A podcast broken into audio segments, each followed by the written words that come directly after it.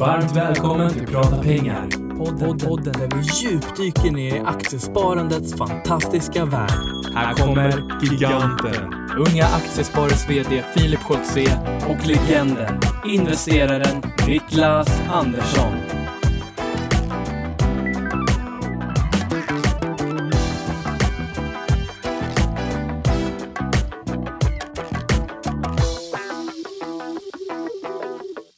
Då säger vi varmt välkomna till podden Prata pengar och avsnitt 43 Niklas. Avsnitt 43, 43. Det är alltså tyska då. Ja. Ja, härligt. Hur, eh, du har inte varit i Tyskland, du har varit i, i Thailand, så det känns som det är ett tag sedan vi poddade. Vi bunkrade upp med ett par stycken så att du skulle kunna komma iväg och det gjorde du. Hur var det? Ja, jag tänkte säga någonting på thailändska där, men jag föll kort. Jag kan ingenting.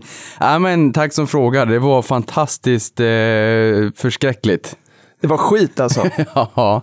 vad, vad hände i Thailand då? Andra dagen när jag åkte till Thailand så käkade jag indiskt. Då kan man ju fundera på varför jag käkade indiskt när jag är i Thailand. Men det gjorde vi i alla fall. Och matförgiftade blev vi. Nej. Eh, nog överjävligt. Ja, det värsta jag någonsin har varit med om.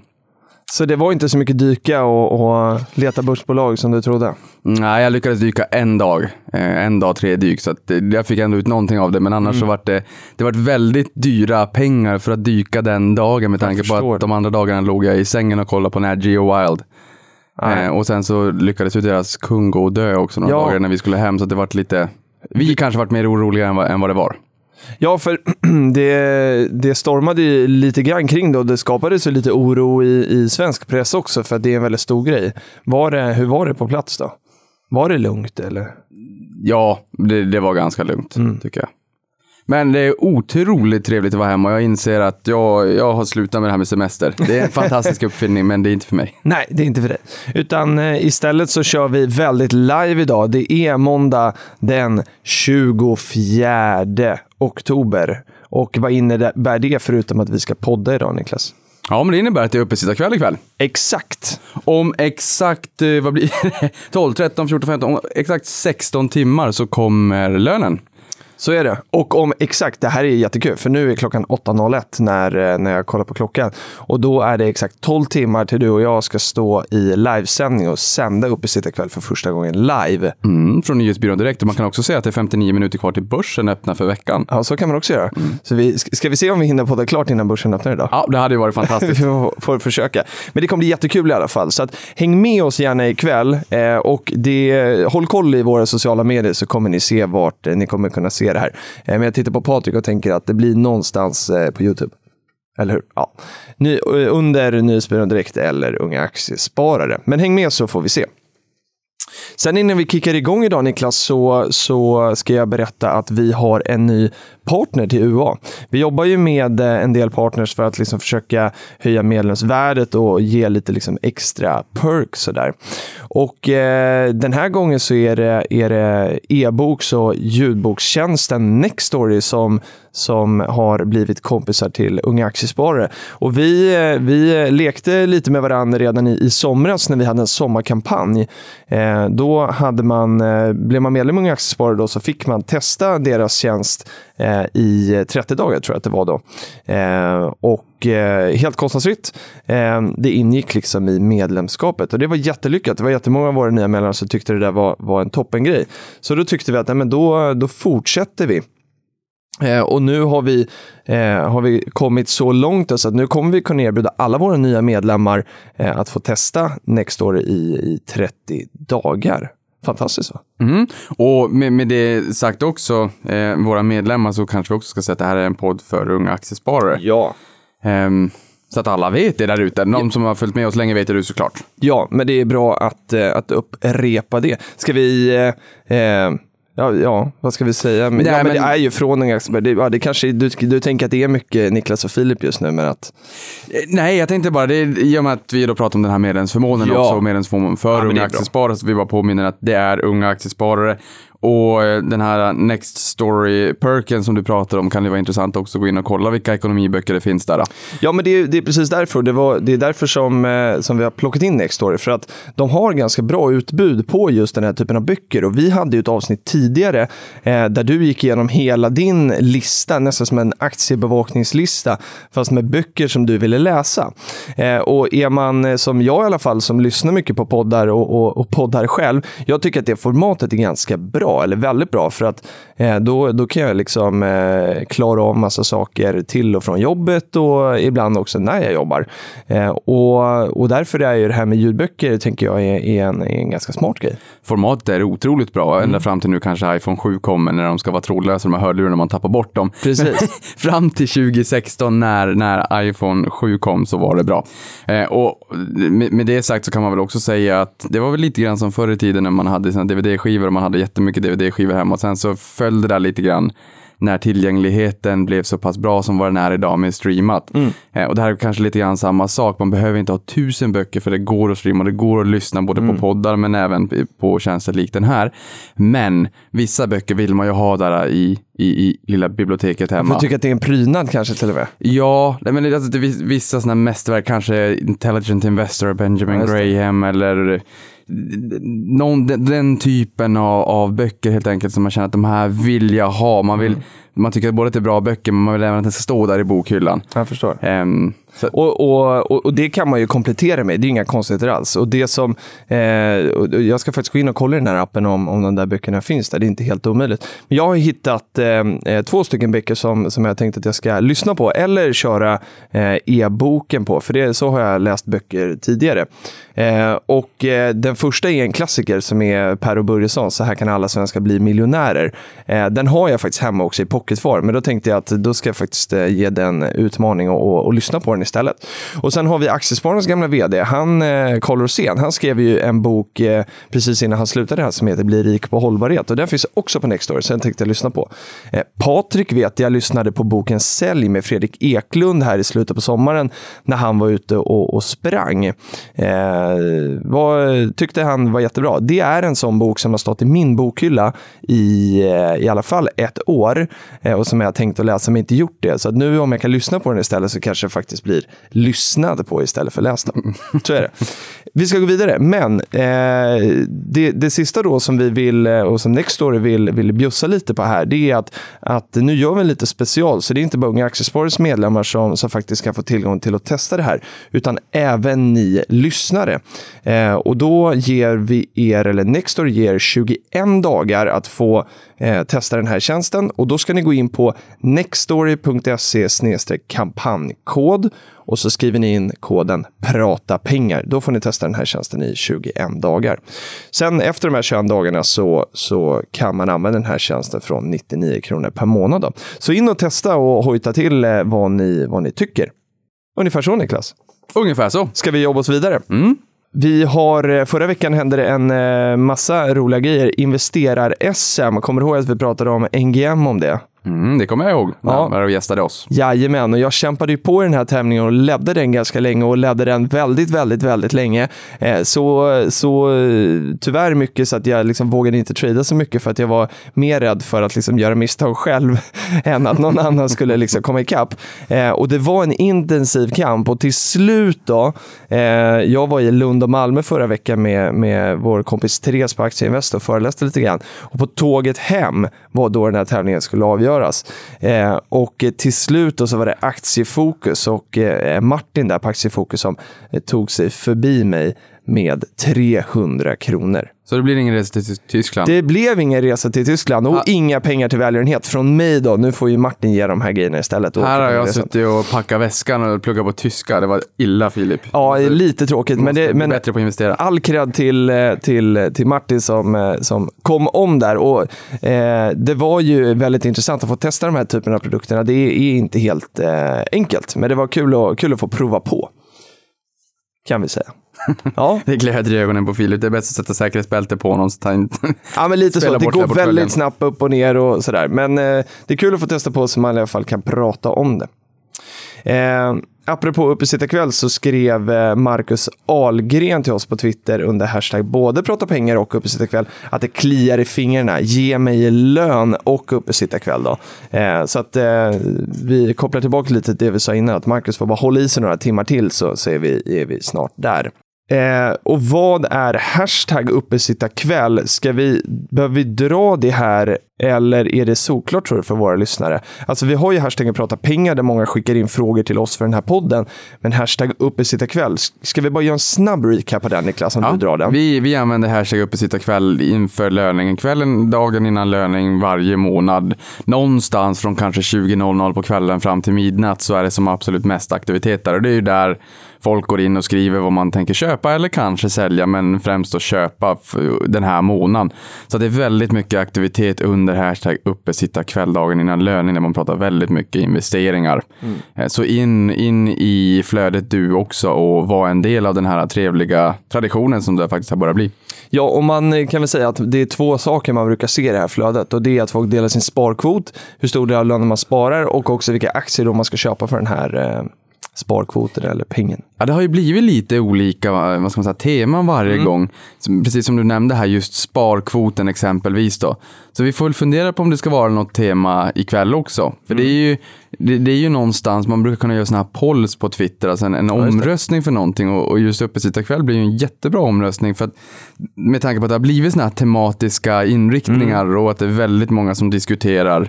Eh, Exempelvis där då sparkvoten när vi insåg att vår sparkvot på halva lönen var kanske lite väl lite i många fall.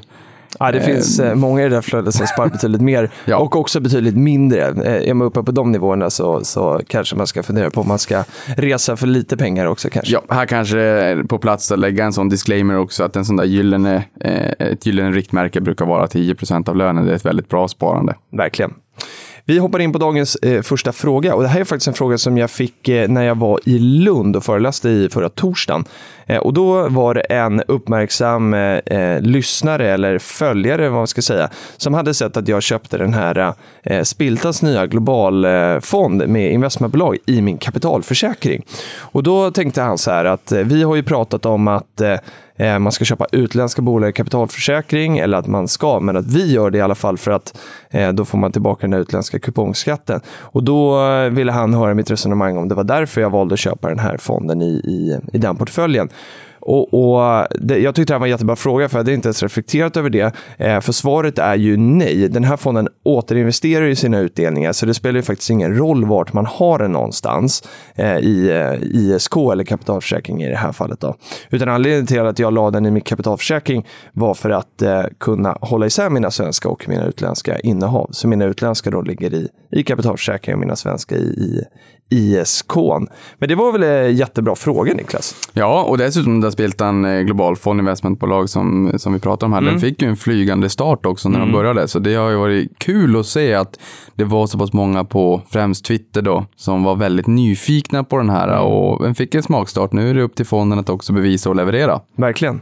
För det är det man är lite nyfiken på att se. Så här, men, för de har ju inte gått ut med det heller och berättat hur den här har presterat eh, bakåt. så. Eh, eller om, om den här fonden hade funnits i tio år exempelvis, hur hade den presterat då? Eh, det får vi avvakta och se hur det blir. Mm, jag vet att det ska finnas en sån simulering, men jag vet inte vart man kan få Men är tag den officiell tror du? Alltså jag, jag förstår att de har gjort den, men, eh, men de har inte gått ut med någon va? Nej, där Nej. är jag osäker. Nej, jag, jag, där vågar jag varken säga bu eller bä faktiskt. Jag vet Man att får den väl finns höra av sig till. Spiltan och fråga Ja. i så fall. Tänk om alla våra lyssnare hör av sig till Spiltan idag, det kommer bli kaos. ja, ja, vi får se.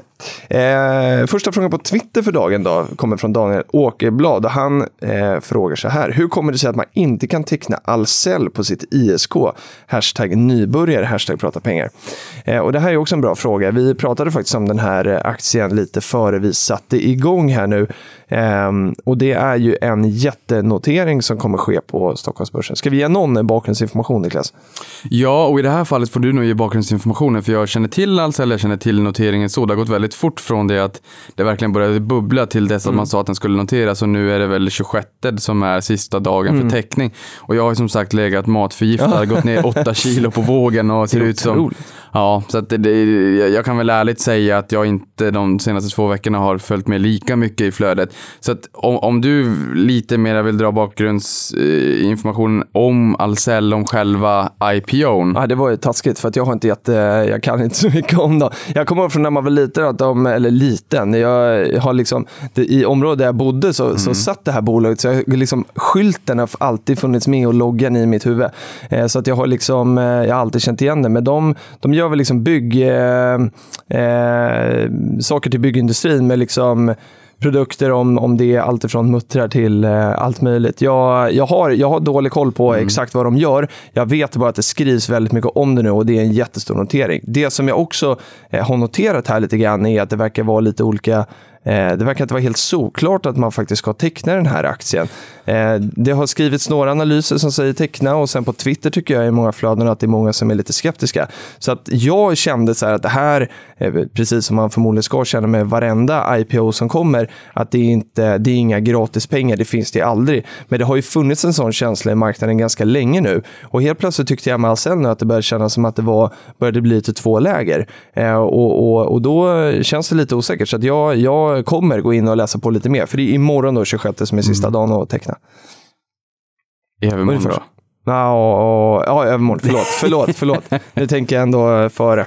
Vi tänker löning redan Man nu eftersom tänker att det är kväll. Ja, men Nej. exakt. Nej, för det, för det man kan säga där är väl lite grann också att eh, man ska alltid gå in och läsa på sig lite med i alla fall. Och sen kanske man inte behöver läsa det här prospektet på 200 sidor. Eller, eh, för det kan ju avskräcka snarare än vad det, än, än vad det bringar glädje, lycka och lusta att vara med på noteringar. Men då kan man åtminstone försöka läsa in vad media skriver och gärna kanske rangordna media. Alltså vilken Ja. typ av, läs inte Aftonbladet, läs snarare kanske Dagens Industri och Svenska Dagbladet Näringsliv, Affärsvärlden, Veckans Affärer eller vem den kan tänkas vara, vad de skriver och läs argumentationen kanske gärna för och emot.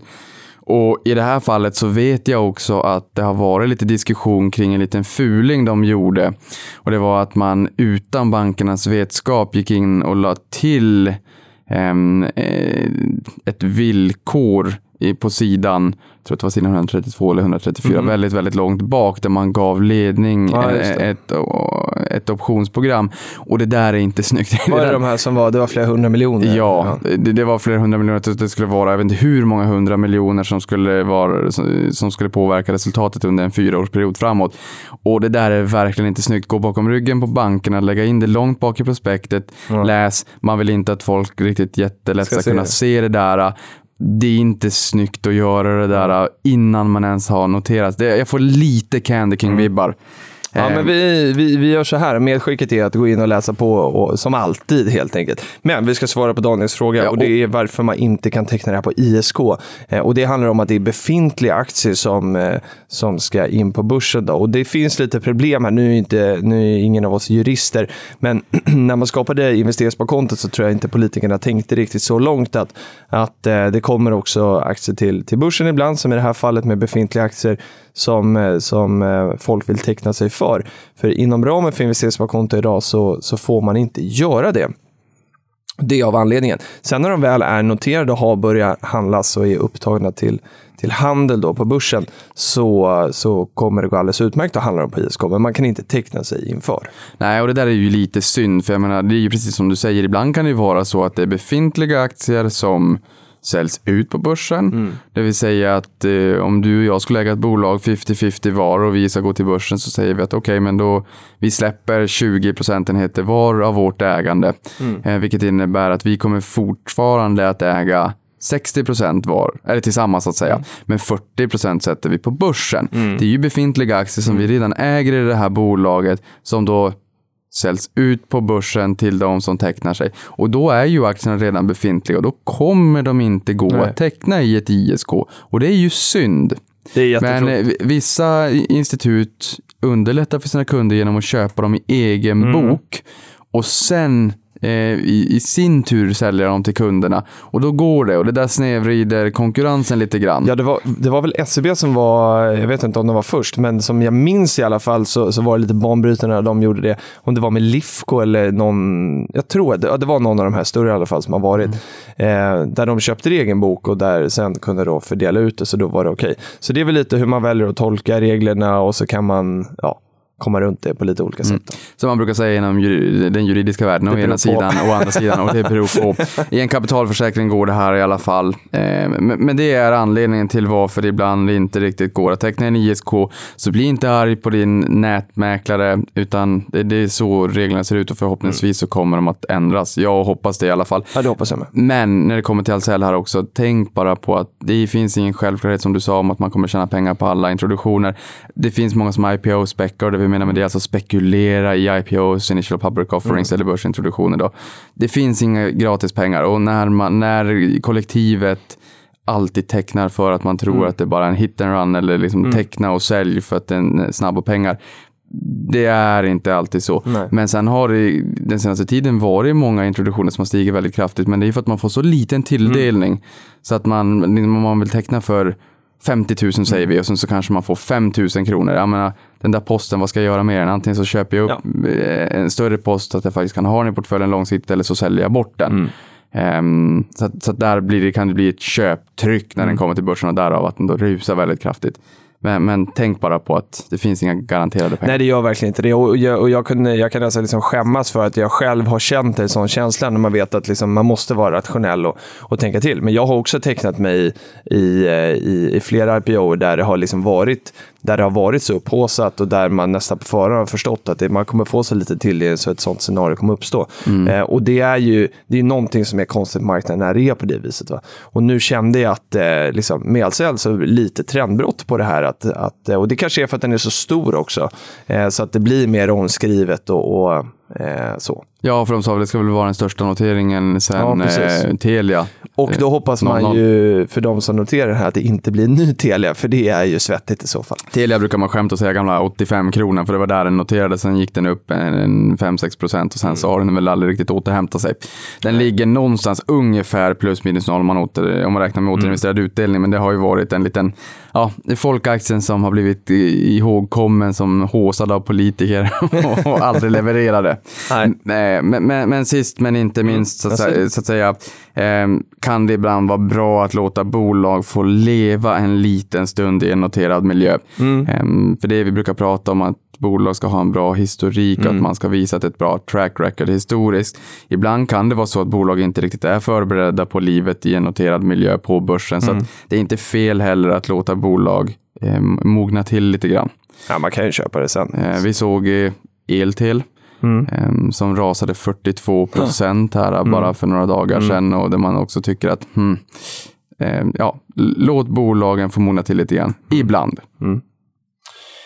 Vi går på nästa fråga och det här är från en, eh, jag tror att Per-Erik Strömblad som har skickat in den här frågan på Twitter. Han eh, eh, tror var en med från början när vi eh, drog igång och ställde lite frågor initialt. Så kul att han har skickat en fråga igen. Han undrar så här. Jag har cirka ett år kvar innan citationstecken innan jag blir för gammal för UA, alltså Unga Aktiesparare.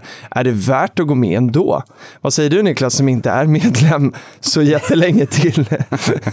Ja, men jag skulle vilja säga kul, att, eh, kul att du börjar uppnå den anrika åldern. Ehm, jag skulle kalla Ska det vi säga vad åldern är då? Till och med 28 får man ju vara medlem. Så jag skulle väl säga att du befinner dig i stängningskålen och, och eh, dörrarna stängs. Det är som på tunnelbanan när man hör det här ljudet. Så kanske det inte låter. Men, men, men, dörrarna håller på att stängas och sen så ser man såna här kamikaze, ja jag vet inte vad, som springer mot dörrarna, kastar sig in och bryter och kravlar sig in. Jag kan tänka mig att det här är lite grann samma sak. Ja. Spring in genom dörrarna, in i värmen innan du blir för gammal för att du kan aldrig backa bandet. Och det är otroligt roligt att vara med i Unga Aktiesparare. Så att ta vara på, det, på det, den sista tiden, helt enkelt. Ja, och, och där, för jag träffar eh, och träffade nu senast också i Malmö-Lund några som, som inte, eller som var över åldern då och som inte har varit medlemmar eh, och som kände att de saknade det lite grann. Eh, och om vi bara ska liksom försöka motivera varför då, om Eh, för nu tror jag Per-Erik som har eh, skrivit ganska mycket till oss. Vi kan ju anta att han kanske har lite koll på aktier och, inte är en, en nybörjare på området. Men, men eh, i, i Unga Aktiespar, i och med att det finns så många liksom, duktiga medlemmar som, som har hållit på med det här väldigt länge, så är det ju, tycker jag, kul för att lära känna fler som kan hjälpa en att ta liksom nästa steg och lära sig ännu, ännu mer. Eh, för jag eh, tjatar om det ofta, men jag hävdar det ändå att, att eh, man kan göra hur mycket utbildningar och sådana här saker som helst. Men det är i det här liksom mötet med andra människor som har samma intresse. Det är då man lär sig på riktigt tycker jag. Mm. Ja, för det är väl just utbildningarna är ju en sak, men, men, men det jag uppskattar med förbundet också är liksom, stommen, ryggraden av människor som man lär känna, alltså alla Mm. trevliga, härliga individer som man får följa med. För det blir ju lite grann som en, det blir ju en tillhörighet, det blir lite Mm. grann som en familj på något sätt. Så att just utbildningar, man får kontaktnätet, man får ut och träffa bolag och det kanske är så att man också använder de kontakterna man lär känna inom Unga Aktiesparare, både inom sin framtida karriär Mm. men även inom eh, liksom, man kanske blir vänner för livet till och med. Jag tror att det är rätt Ja, många verkligen. människor som har hittat varandra, eh, vänner för livet i det här förbundet. Och man har ju en gemensam nämnare och det är ju intresset för aktier eh, och sparande. Så att då, vi säger till på Erik att häng med nu för tusan. Ja, nej men ta vara på det sista året, det hade jag verkligen gjort, för det är, det är ett otroligt roligt förbund. Det blir vad man gör det till, men, men Ja, så potentialen finns där. Det är som alltid, det är, ingenting kommer gratis. Utan, men ofta är det sådär, eller tycker jag, att man, man och nu blir det jätteklyscha, ursäkta mig för det, men det är lite så att man ger en krona och får tio tillbaka. Så den avkastningen eh, upplever jag ganska mycket många aktiesparare i alla fall. Men det har inte med pengar att göra, eh, men ni förstår vad jag menar. Vi går vidare. Nästa fråga kommer från Moa Jansson som också har skrivit till eh, Prata pengar på Twitter. Hon skriver så här. Hur bör man tänka när bolaget man är sugen på att köpa in sig i på lång sikt, eh, inom parentes har hon skrivit här, är i sin ATH och det betyder då all time high. Ska man avvakta eller köpa? Det här tycker jag är en jättekul fråga. Vad säger vi? Mm, ja, men det är en kul fråga och jag tror att det är klart att det, det är ju det är eh, delikat, en delikat fråga.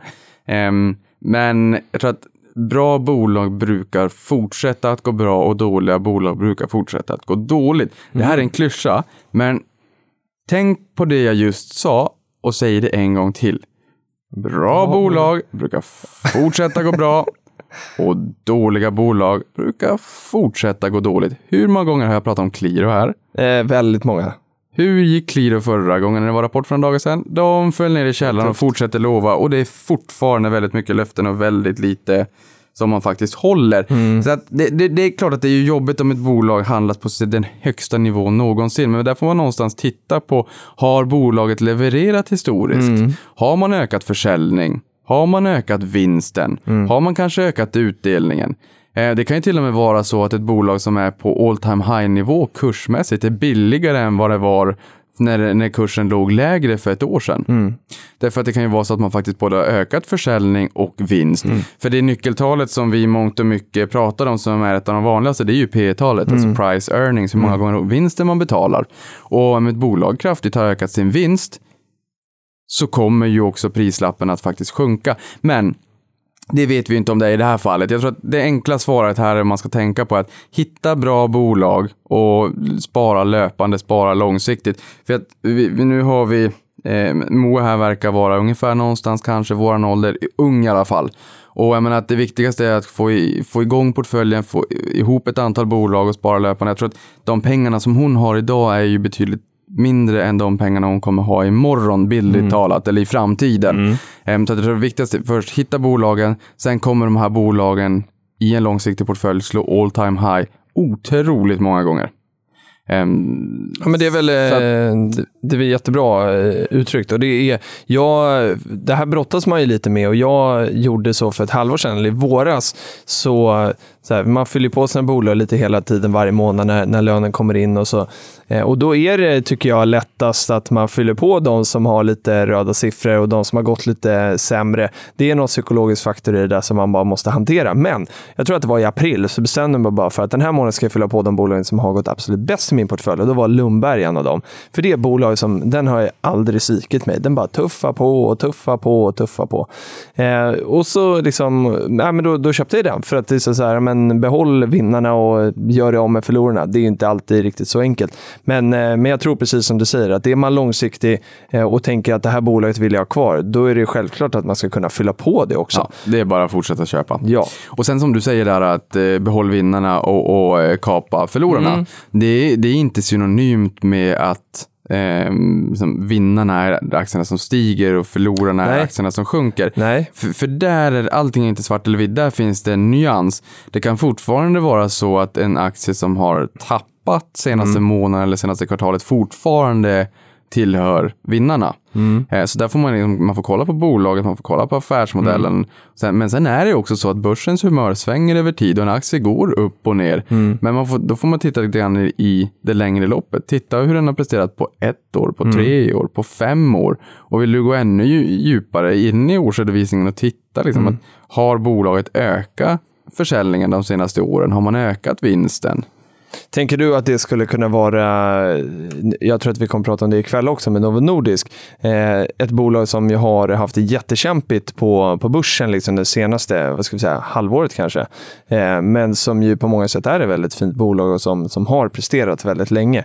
Skulle du säga att det är ett sånt case där för om man tänker att sälj förlorarna gör av med förlorarna så skulle ju Novo Nordisk då på lite kort sikt tillbaka skulle kunna vara ett sånt case.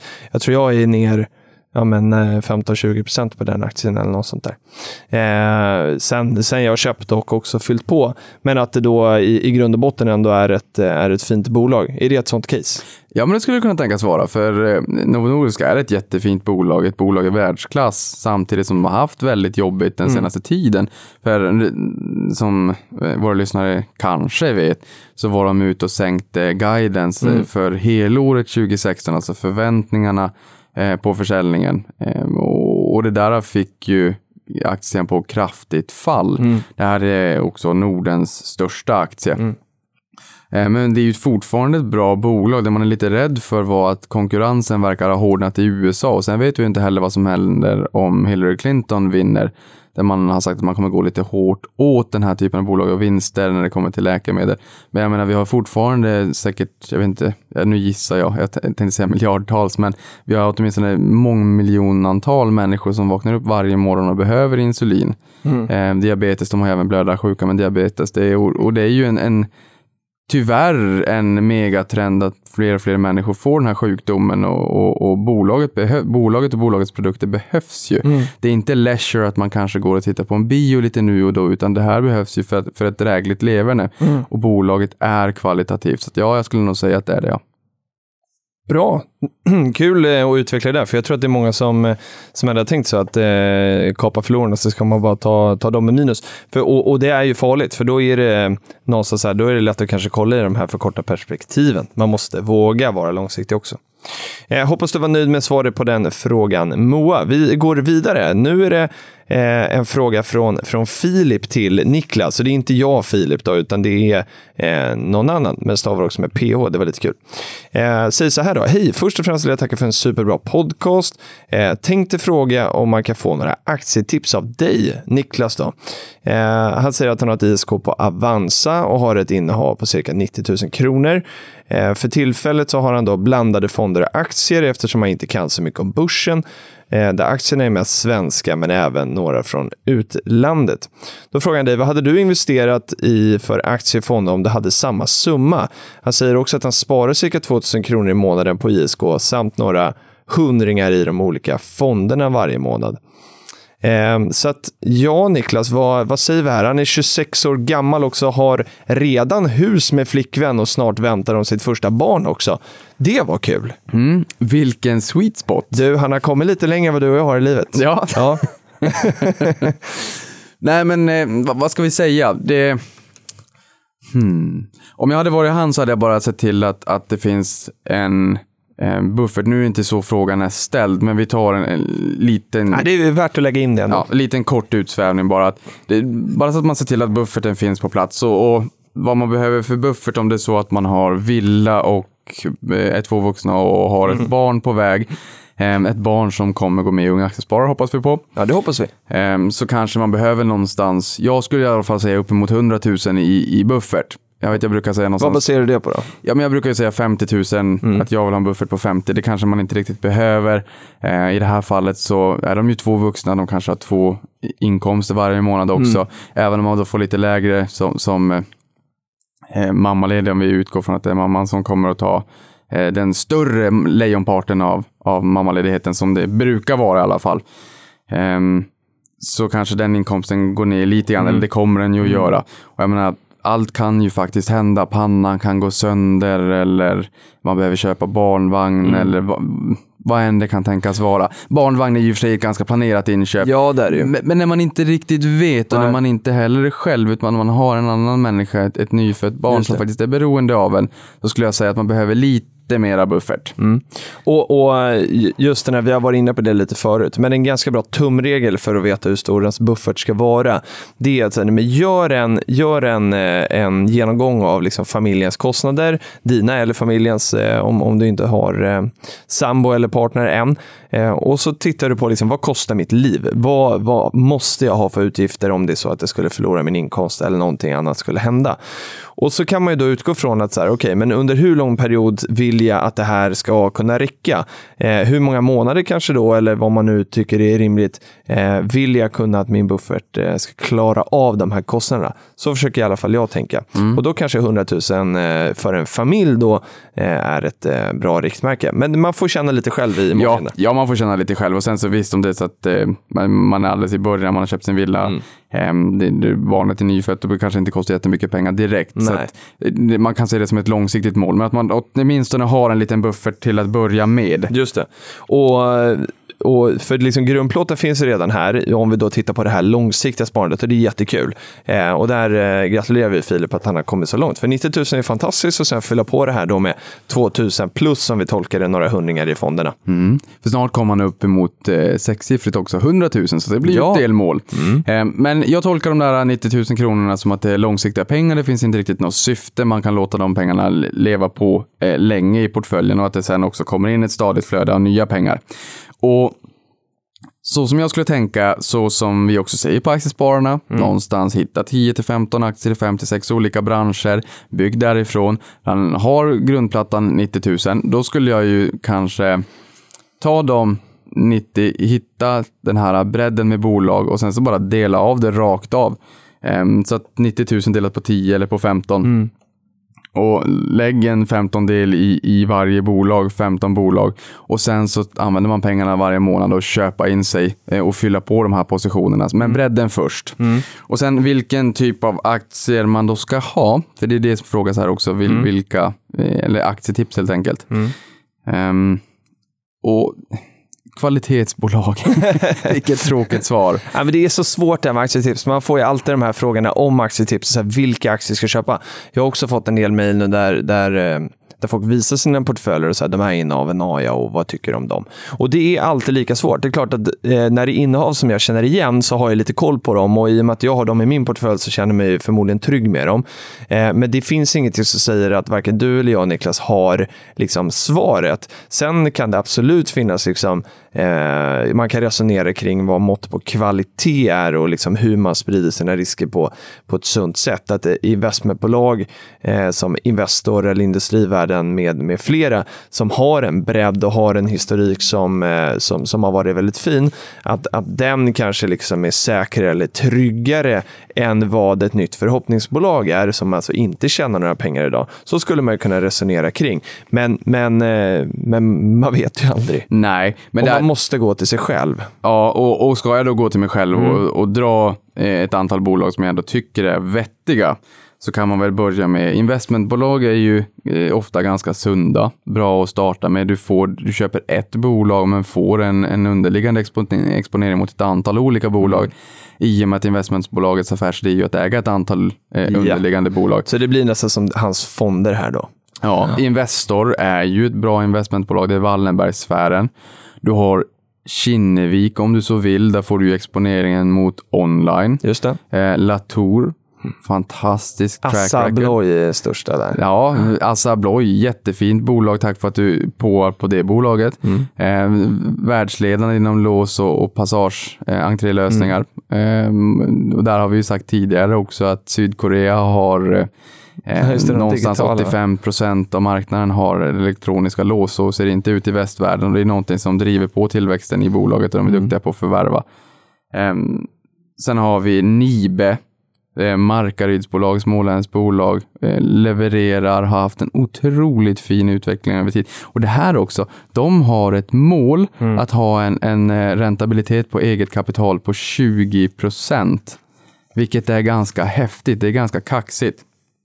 Vi har Skanska, Hennes och Mauritz, Aarhus Karlshamn. Vill vi ha lite fastigheter har vi huvudstaden som äger Sveriges mest lönsamma parkeringsgarage med veterligen Parkaden på NK. Som för, för övrigt byggdes upp på två år av, av eh, Ivar Kryger eh, på 20-talet. Em, sen har vi Fabege, vi har Balder med Erik Selin. Nu går vi igenom hela din portfölj här. Nej, inte Ja, men det, är, det är några uppslag i alla fall. Ja, vi har Interim Justitia, duktiga likaså, levererar, det är kvalitet rakt igenom. Atlas Copco. Ehm, så att det, det, det, det finns ett antal olika bolag som är väldigt, väldigt bra. Ja, men det gör det. Och det finns mycket. Eh, jag, jag tror så här att, eller jag resonerar ju så i alla fall. Jag har investmentbolagen i, i grunden eh, för att liksom slippa välja. För att jag tycker att eh, det är inte helt lätt att välja. Eh, och, och framförallt inte när man ska ha då 10-15 olika bolag. Och det är, eh, mitt problem är snarare kanske att välja bort den, att välja in. Eh, och då tycker jag att det är ganska bra att eh, och, och välja investmentbolagen och sen väljer jag då några guldkorn som jag följer liksom lite extra och där liksom branscherna jag känner att så här, men de här har jag verkligen koll på. Eller bolag som jag inte når via investmentbolagen. För det tycker jag är en ganska, eh, en, en ganska skön grej ändå att via de här fina investmentbolagen som, som vi ändå har i Sverige eh, så, så, så når man väldigt många bolag. Ja, och där får man väl också försöka in i årsredovisningen på bolagen och läs lite grann. Du behöver inte fördjupa eller ta en professorsexamen. Nej. För redovisningarna i Sverige är så pass bra. De, de är väldigt grafiska, de är väldigt lättlästa och trevliga att läsa. Du behöver inte läsa balans och resultaträkning på sista sidan. Utan förhåll dig i sådana fall till de grafiska elementen och, som visas i inledningen. Där får man ofta rätt mycket matnyttig information.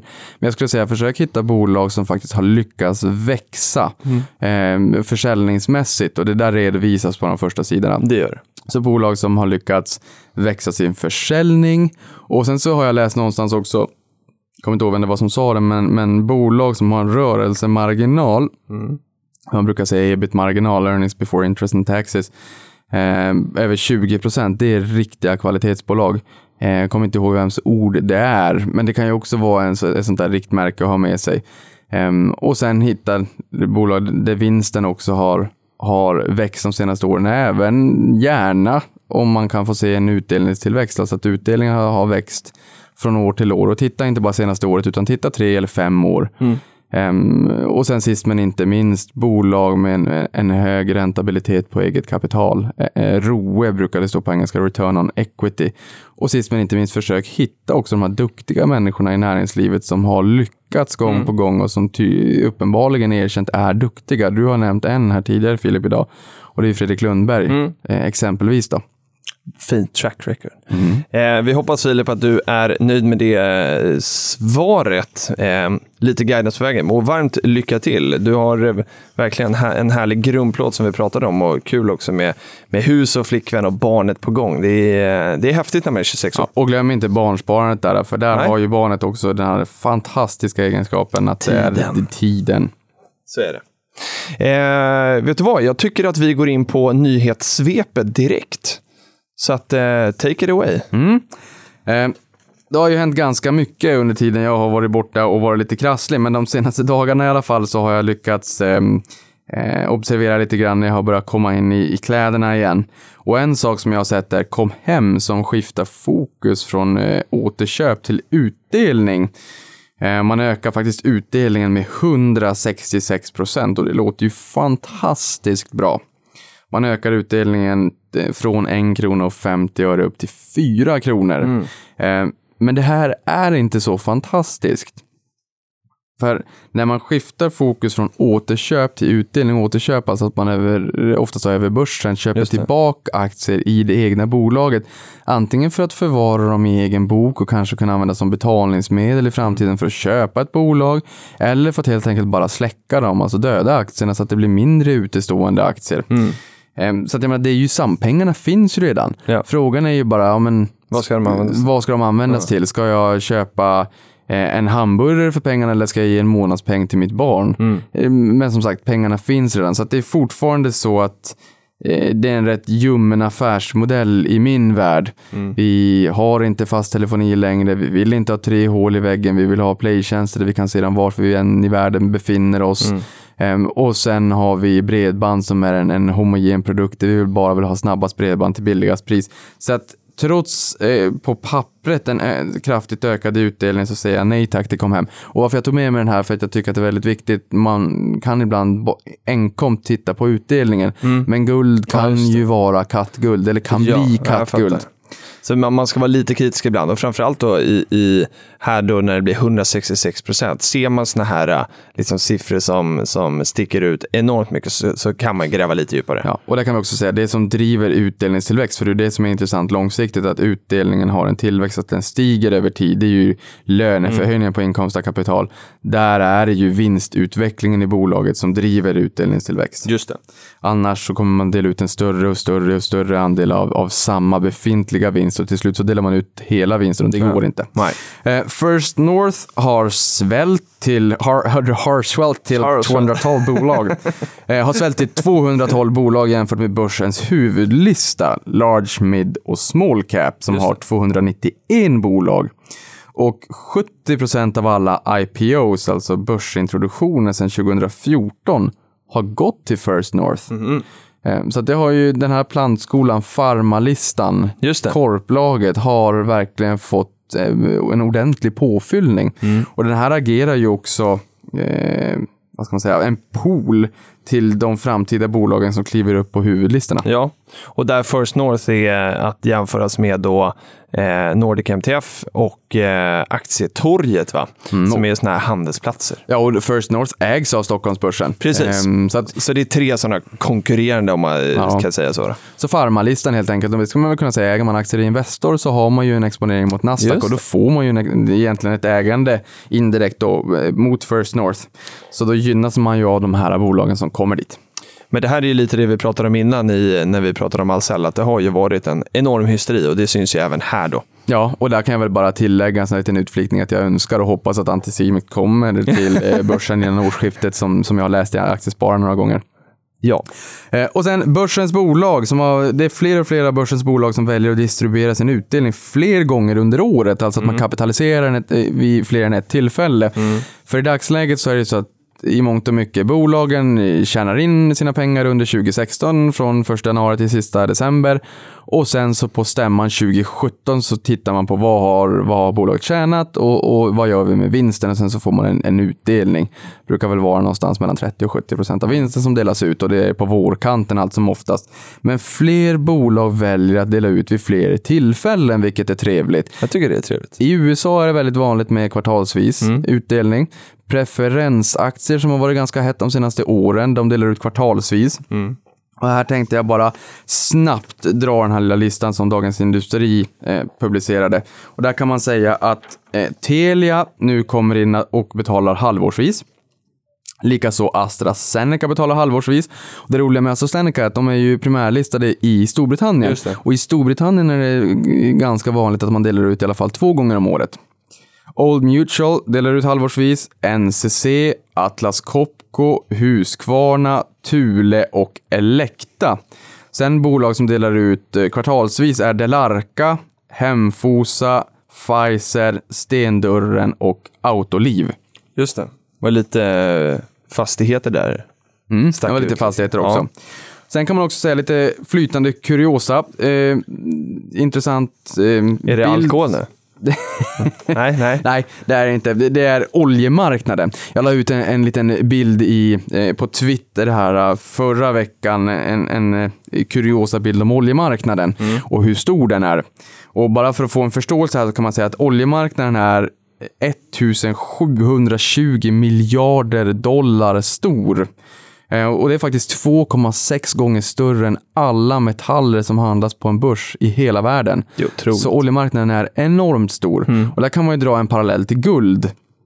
Och guld är ganska exakt 10 procent av Ja, just det. oljemarknaden. Ja, det ser man på bilden här. Ehm, så att man tänker olja, guld, okej, oljemarknaden är 10 gånger större än guldmarknaden. Ja.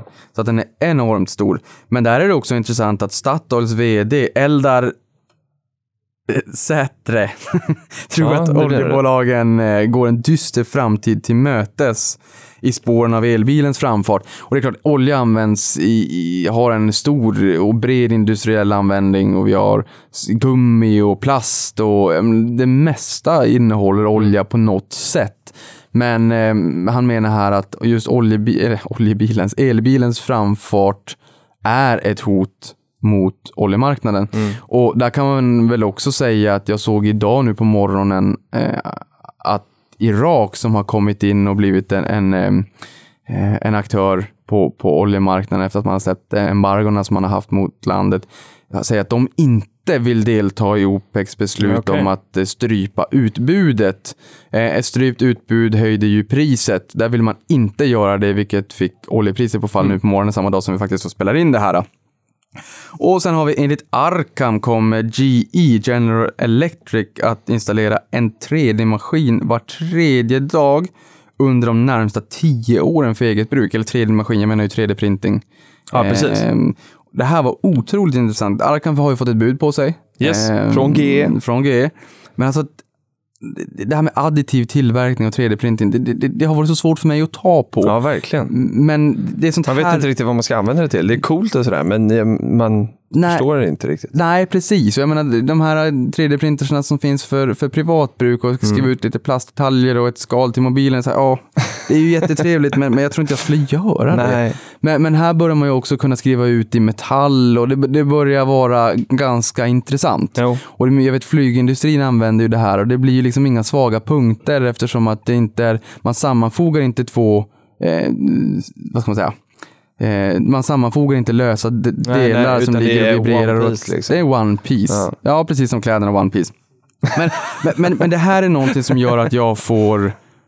eh, Det är en kuriosa som jag gillar, för det sätts i, ett, i en kontext. Mm. Det är alltså en 3D, en 3D-printer var tredje dag de kommande tio åren. Det är rätt häftigt. Vad finns det för additiva tillverkare där ute i dagsläget? De kanske är bra att, att titta lite närmare på. Ja. Eh, Betsson presenterar ett rekordkvartal i Q3 och säger samtidigt att vinstvarningen i Q2 var tillfällig.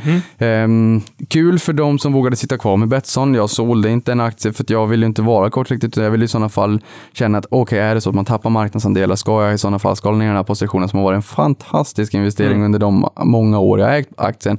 Ehm, och det här är lite irriterande. Det här stör mig för det, det, det är en knäck för förtroendekapitalet. Ja. Eh, Man går ut med en eh, vinstvarning i Q2 samtidigt som ett incitamentsprogram, optionsprogram för ledningen. eh, Så att, eh, och sen så kommer man i Q3 och säger att det var temporärt. Ja, det var ju en jäkla bra timing. Ehm, Och då menar du att optionsprogrammet styrs ganska mycket av aktiekursen? Så att, ja. ja, Ja, det okej. gör det. Ofta så brukar de ju sättas med att man tittar under en viss period, ett antal Ja, dagar, och så exakt. drar man den genomsnittliga kursen där. Men är, är den tillbaka på samma nivåer som eh, innan den kraschade? Den var ju på toppen någonstans på 160 och sen Ja. så var den ju ner på 62, Ja. 63, så den är ju upp 50 procent ungefär 50. sen, eh, sen eh, bottennivån här Okej. för någon månad sedan. All right. Sen har vi Starbucks som har utnämnt sin första vd i Kina efter 17 år i landet och antal kaféer där i Kina då ska fördubblas till år 2021. Herregud. Sen så satsar de också på premiumkaffe och rosterier där man rostar kaffe direkt där och då, då, där mm, fokuserar man primärt på USA men eh, även den satsningen är i full färd. Så kul att se, det är ett bolag som, som jag gillar. Jag tycker att det Ja, är... som vi båda äger. Så Ja. eh, får gärna tuffa på i Kina. Sen med tanke på det du sa, vi pratade tidigare här om kvalitet Ja. och Novo Nordisk Ja. och eh, att en aktie som går ner inte behöver vara dålig kvalitet för det. Nej. Och det här var lite intressant med Netflix som eh, vars aktie rusade 20 procent i efterhanden efter att de kom med siffror som visade på, jag tror det var så att man förväntade sig två miljoner nya abonnenter. Eh, rätta om jag har fel, men, men jag ja, tror och att sen det var var så. vinsten eh, den dubbla tror jag. Ja, eh, och antalet abonnenter ökade med 3,6 miljoner. Precis, så det var en så de två, enorm, va? ja, enorm eh, differens Ja, var mot otroligt. förväntning. Eh, Så det var kul att se, för det här är ju en aktie som jag har tagit en liten, liten, liten stek i, en Mm. månads avsättning ungefär. Och jag menar, den här har ju varit ner minus 30. Ja, ja Nu ligger jag på plus. Jag Eh, eh, och- sitter också i båten. Ja, och det, här- det, det här är väl kul att se liksom att vi, vissa bolag kommer att svänga lite mer och, Absolut. och Netflix är ett bolag som är väldigt beroende av tekniken. Mm. Sen när man skapar eget innehåll så, så bygger man en liten vallgrav Mm. men, men är fortfarande väldigt beroende av tekniken. Men kul att se att vi bestämde oss för Netflix, Mm. Netflix tidigare, vi har suttit på den och nu är vi på plus igen. Jag tror att det hade varit ganska lätt med minus 30% i portföljen att bli lite så här, "Oh, ska jag Ja, sälja den här nu? Men den här, någonstans redan på förhand så hade man en aning om att den här kunde svänga en del. Ja. Eh, och, och så har den ju verkligen gjort. Och nu är jag varm i kläderna, jag är tillbaka, jag mår bra igen, vilket innebär att det kommer bli ett välfyllt eh, nyhetssvep nästa avsnitt. Jag tyckte det var väldigt välfyllt den här gången också. Du presterar alltid på topp, även fast du har varit sjuk länge. Åh, Ja, fantastiskt. härligt Niklas. Skönt att ha dig tillbaka och du ser eh, pigg och fräsch ut. Eh, och, eh, och det är bra, för vi har en lång dag framför oss med uppesittarkväll ikväll. Så att vi, eh, vi säger igen, klockan åtta ungefär så, så ses vi i sociala medier under hashtag uppesittarkväll. Ni kommer också kunna följa vår livesändning på, på YouTube-kanal. Eh, håll koll i flödet så får ni se vilken YouTube-kanal det blir. Vi har inte riktigt landat i det. Eh, så vi säger tack för idag och gå jättegärna in och rösta på oss på iTunes också. Eh, ni är väldigt duktiga på att ge oss feedback där, där så fortsätt jättegärna göra det om ni inte har gjort det tidigare. Eh, tack för idag och vi hörs ikväll. Det gör vi. Hej, hej. Tack för oss.